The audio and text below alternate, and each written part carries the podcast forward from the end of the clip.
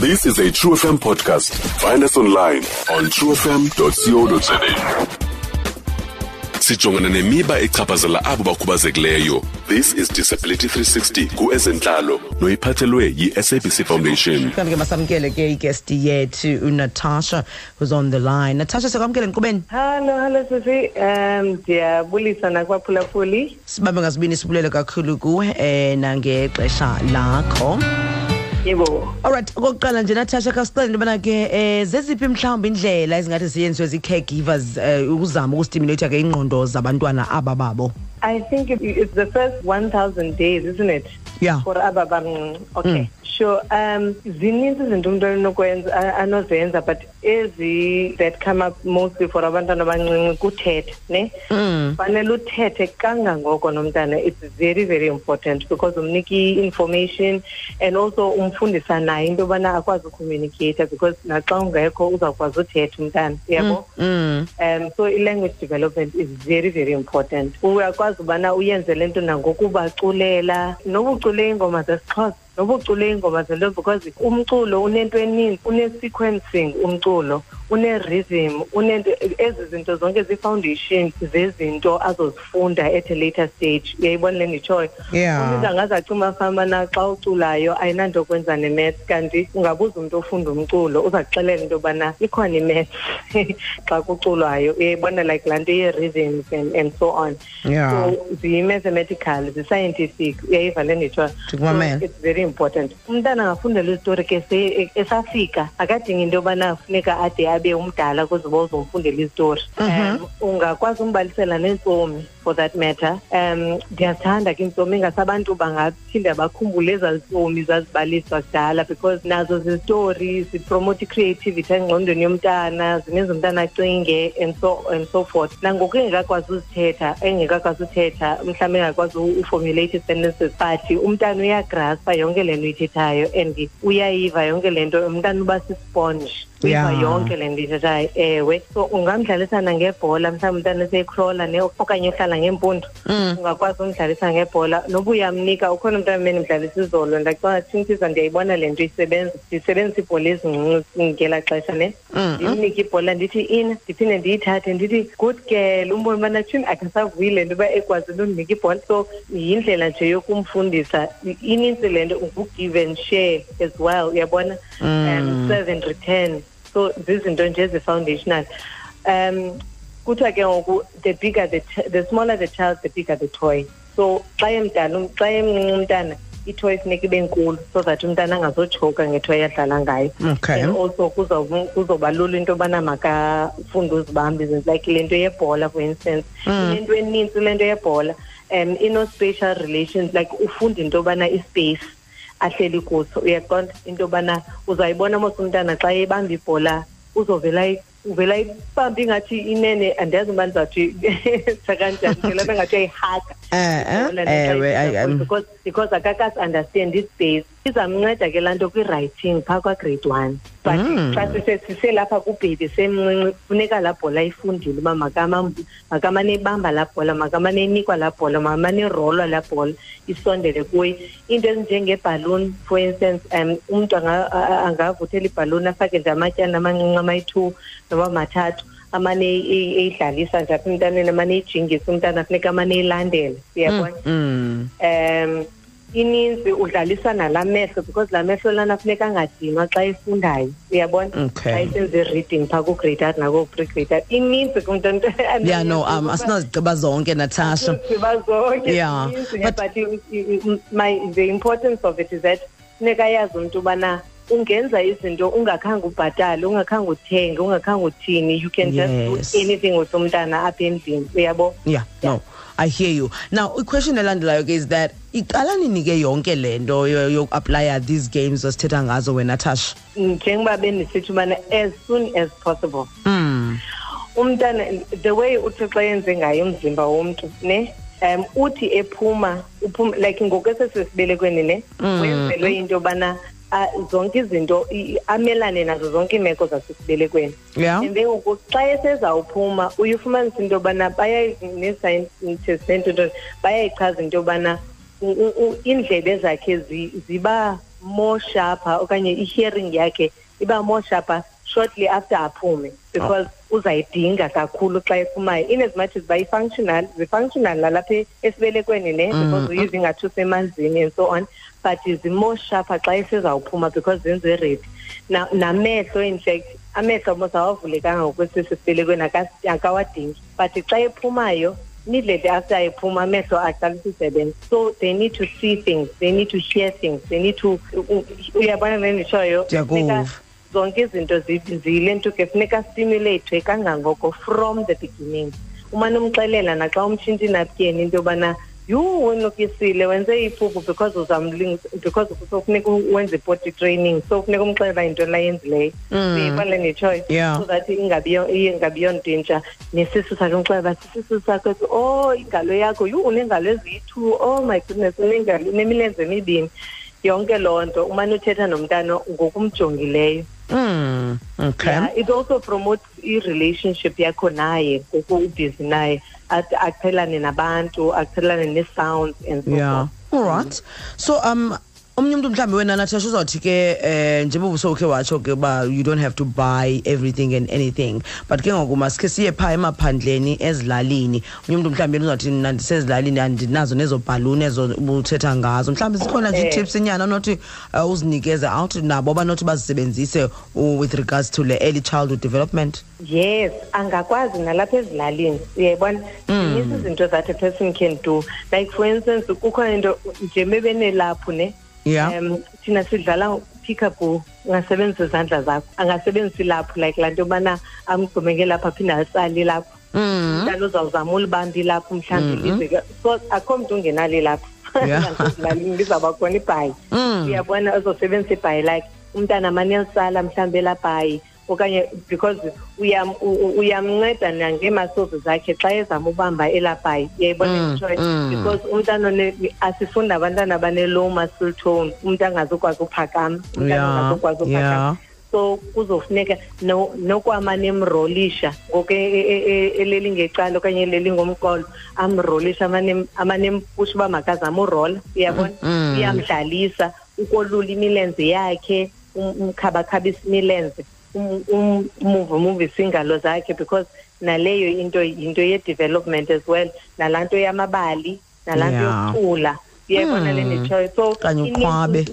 Cula uqhwaba. izandla Yes. umane uthetha kancinci uthe- uthethe naphezulu u- u- ukhwaze nokhwaza uthethele nasezantsi umbone ubana thini thiza u- u- u- uyayinotisa le nto into yobana kukhona i- kukhona i-change in tone Yeah. So umntu uyakwazi uyenza noba uphi na akho nto ibitheni nezaa sounds zee-animals ubana akwazi udifferentiata between ii-animals yho igusha ithi me iyayibonele nditshoyo that was good. Oh ne? yes. I've been doing this for a while. I know. So uyabona neenkukhu phandle and all that. Mm. there's a lot that umntana anokwazi uyifunda eh, kwi-foundation. It doesn't matter ubana Yeah. uphina uyayibona okay. Alright masithethe ke ngoku mhlawumbi nge- ngeempawu okanye ii-signs eh, ii-parents ezingathi ziziqwalasele mhlawumbi ubonakalisa uba heyi ayingathi ke noko lona umntana might have a challenge esikolweni. Mm. Kwi-first one thousand days ne Mm. it's too early to tell ne yes um but izinto nje ezimbalwana that one can look at into yobana umntana funeka uthi xa ungena erumini u- u- umntu ofamiliya xa ungena erumini umntu ofamiliya noba ngumamakhe or uhlala nomakhulu or whoever ungenayo maka Mhm. makajike mayibe khona le nto imenza uba ma- i- intloko yakhe Evilizwe okanye mhlawumbi. amehlo Mm. ewe amehlo mawafuna ukuya kule ndawo ku- kungena khona lo mntu amxhelileyo uyayibona le nto nditshoyo? Yes, So, yes. kufanele ube concerned xa umntana even even umntana osanqenqe ngomqolo ono-four months o- o- ono-two months and so on Mm. funeka abe nayo laa nto yobana ndi- ndi- ndiva umntu endimaziyo ngoku uyayibona? mm. noba ulele ngomqolo um so mhlawumbi angacaphela loo nto nangalaa nto ndisithi into yobana ungangxolisa into noba ungxolisa isiko or ungxolisa into around yena umtshekisha into yobana uyakwazi ukuva. Funeka funeka isiza amehlo akhe azolandela le nto le nto ikhalisayo or um but amehlo akhe azoba yi-indicator into yobana Khona uba ewe Mm, funeka mm. kube so ujonge ezo zinto. Nento yobana at least by um by four months five months funeka azame ubana uyakwazi uhlala ngempundu ne? So u- u- for uchekisha into yobana kana-low muscle tone kufuneka umqolo aye ngokugcina. Uyayibona le nditsho okay. And okay. eh, so zi- zii-indicators nje ezincinci ezo um but awukwazi uyazi incam ncam into yobana lo mntana akazokwazi ufunda uyayibona le nditsho? yes. kufana nokuhamba. Abanye abantwana bahamba at two um abanye bayathanda ukubhamshaflisha because i got this question from somebody. Ndibuza ngoba umntana khe yarhubuluza ngemfundo into yobana uzawuthi ahambe nini ithini into yakhe and then um but kufuneka emlindile nje kancinci because abanye ba- abantwana baqala ngendlela ngendlela. Omnye uqala ngokrola and then awalk omnye uqala ngowalker and then acroll I- okanye asangazi okanye aphakamise umlenze oyi-one arhubuluze ngedolo eliyi-one andiyazifana sekho wayibona loo nto leyo. So Ewe, ewe. um, Mm. masibalinde nje kancinci xa in the first one thousand days. Uyabona? Okay, masibalinde but mababone. They have to be able to see. You- uzawukwazi umbona uba akaboni umntana. Uzokwazi umbona uba akeva in the first one thousand days. So, Mhm. uyayibona le nto itshoyo? Then ke ngoku kufuneka umse kugqirha ke ngoku xa ubona ezo zinto because ziimpawu ezi-serious ezo uyayibona mm. yeah. Naxa kukho mhlawumbi i- i- i-delays um uh, ozibonayo ezithile mhlawumbi can you quickly consult okanye what is it that you can do apha ekhayeni xa kubona ngathi um njengoba usitsho uba abanye baye bayathatha ixesha arhubuluze nangempundo angade sike abe uyema and stuff like that? Ewe um i think uyam- uyambona into yobana like for instance aba barhubuluzayo ixesha elininzi bayakwazi kuma mm. uyakwazi kuma cha akahambi and akacroli yeah. So uyambona into yobana imilenze iyasebenza ukusebenza oku. Yes. iqinile imilenze is just that usoyika.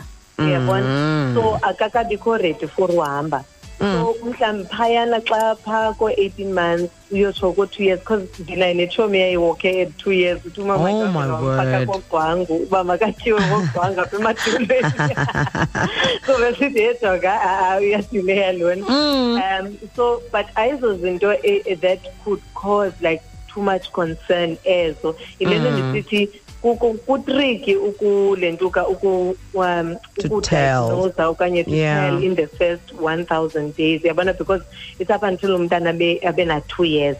Uyayibona? Ndiyakuva. So, ku- kutrick ezona zona zi- ziba serious zezi ndizitshoyo into yobana if akaboni if akeva. Yeah. Uyayibona? So and and also funeka abe serola at least makarola umntana. Mm. makahlale ngesisu. Uyabona makahlale ngempundu. Ma- ma- ma- si- mawuqini umqolo kodwa mawube uqinile Okay. umqolo regardless okay just okokugqibela ke natasha phambi kosikuyeke any uh, last words to the caregivers nje ke regarding le mncoko yethu besetha ngayo ngoku? Ungathini xa uphosa amazwi okugqibela xa ndiphosa amazo- amazwi okugqibela ndifuna ukuthi into yobana ingaske ii-caregivers zethu zing- ungamyekeli umntana nje uba makazidlalele nje ekhaya ne Mm. um let's give abantwana amagama. Uyabona? Give them words. Okay if mhlawumbi um okay first of all ndicela singateketisi qha singateketisi oko oko um ityhuthi laa nto into yobana umntana athethe athi itile singathi Mhm. itile ke thina masithi ibhotile thina ibe simyeke yena athi itile? Mhm, so xa sithi xa isithi ufuna ibhotile masithi singathi ufuna itile ha-a masithi ufuna ibhotile Okay. Um na- namanye amagama umntana ye awasebenzisi. Enye yezinto enye yezinto ezi- ebayitshalenji ngayo loo nto leyo naloo language into yobana andikho oko oko mna ne? So Mm. xa ke ndamshiya nomnye umntu akazumanastenda yena into yobana xa isithitile uthetha ibhotile. Le nto? mm, mm, So izamfrustrate umntana and iza-affect i-behavior i-learning and so on and so on. So ingaske ke ngoku sibanike amagama properly um abantwana masihlale sithetha nabo uko oko masihlale sibaculela noba uhleli kwicourt mandicule okanye ndise ndifake iradio ke. Uyabona noba ndifake utakalani sesami for that matter or whatever story uyabona endifakileyo iradio edlalayo. Masiyiavoid i-tv kangangoko. Um iye icuma abantu baye bacuma fana um- umntana uyafunda kakhulu kwi-tv of which ewe abantwana ngenxa bana um the brain is very active and Yeah. iyakwazi upick up izinto ne Mm. ingaske if we if udlalisa i-tv ke because ke ndi- ndiza kwi-reality esiphila kuyo um ingaske ube mhlawumbi udlala i- i- umculo wabantwana uyayibona le nditshoyo um i- i- ndinqena umention ii-programs zabantu yeah no it's fine don't I- i- ilentuka i- but i- i- ibe yilentuka ibe ngumculo wabantwana wenawe unokhungene and sometimes uvele ucule ezo ngoma ezo ufumanisa into yobana umntana uyazikhetha. Other- because xa i- if udlala i-tv nje um i- i- ine-impact enayo ekubeni umntana urelate njani nabantu ne? Um, because i-tv ayirespondi Ayirespondi emntaneni. nyhani. yes it doesn't respond. So ayi ayi i- i- inako uku- ukuyi ukuyidonisa ingqondo somewhere.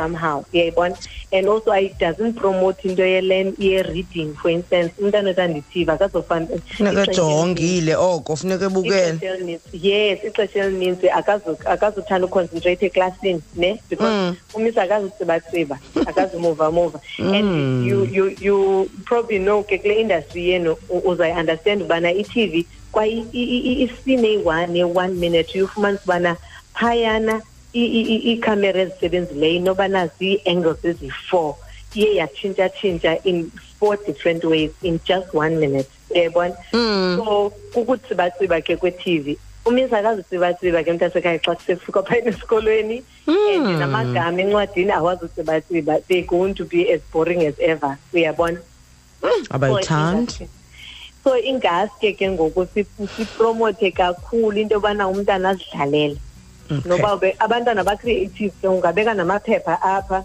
um abantwana bakrazula amaphepha. Um ungabeka namalaphu apha umntana amane ebamba amalaphu uyayibona amane Yeah. etsalatsala amalaphu if mhlawumbi ucoma yeyi andiyazi andinamali U- u- ufumane i- i- i- iincwadi mhlawumbi siye kwazi ufumane iincwadi ii-board books. Um even kwakulo umncinci mhlawumbi phayana ezilalini ndiyacinga kule nto yasezilalini.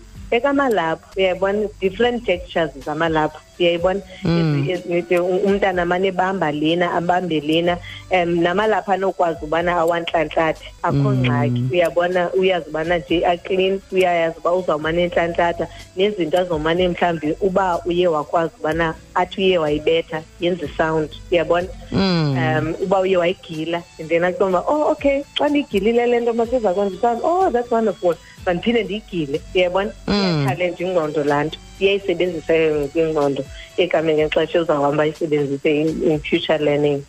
Yeah. All right okay. so far. Thank you so much natasha for ixesha lakho enkosi kakhulu. Enjoy the rest Thank of you your very day. much for the opportunity as well. Um bless you. Sure. Pleasure all right. Yeah natasha ke lona eh sincokola naye apha ke ku ezenhlalo on true fm like no one else side by side. Kanti ke yena kusuka ke pha esinalo projects and little lights daycare center. Ebesicacisela ke ngendlela yokustimulate your baby's mind from an early age. Uzibekile ke zacaca zonke ke izinto ongathi uzisebenzise eh regardless oba ngaba uphi wena uh, for uba ke ukwazi uba ustimulate ingqondo yomntana wakho. Idisability 360 ubuyiphathelwe yi-true fm ibambisene ne-sabc foundation. For more disability content visit sabc disability 360 on facebook or follow at sabc disability on twitter. Stream True FM online on truefm.co.za. sikho yonke indawo ngalo lonke ixesha like no one else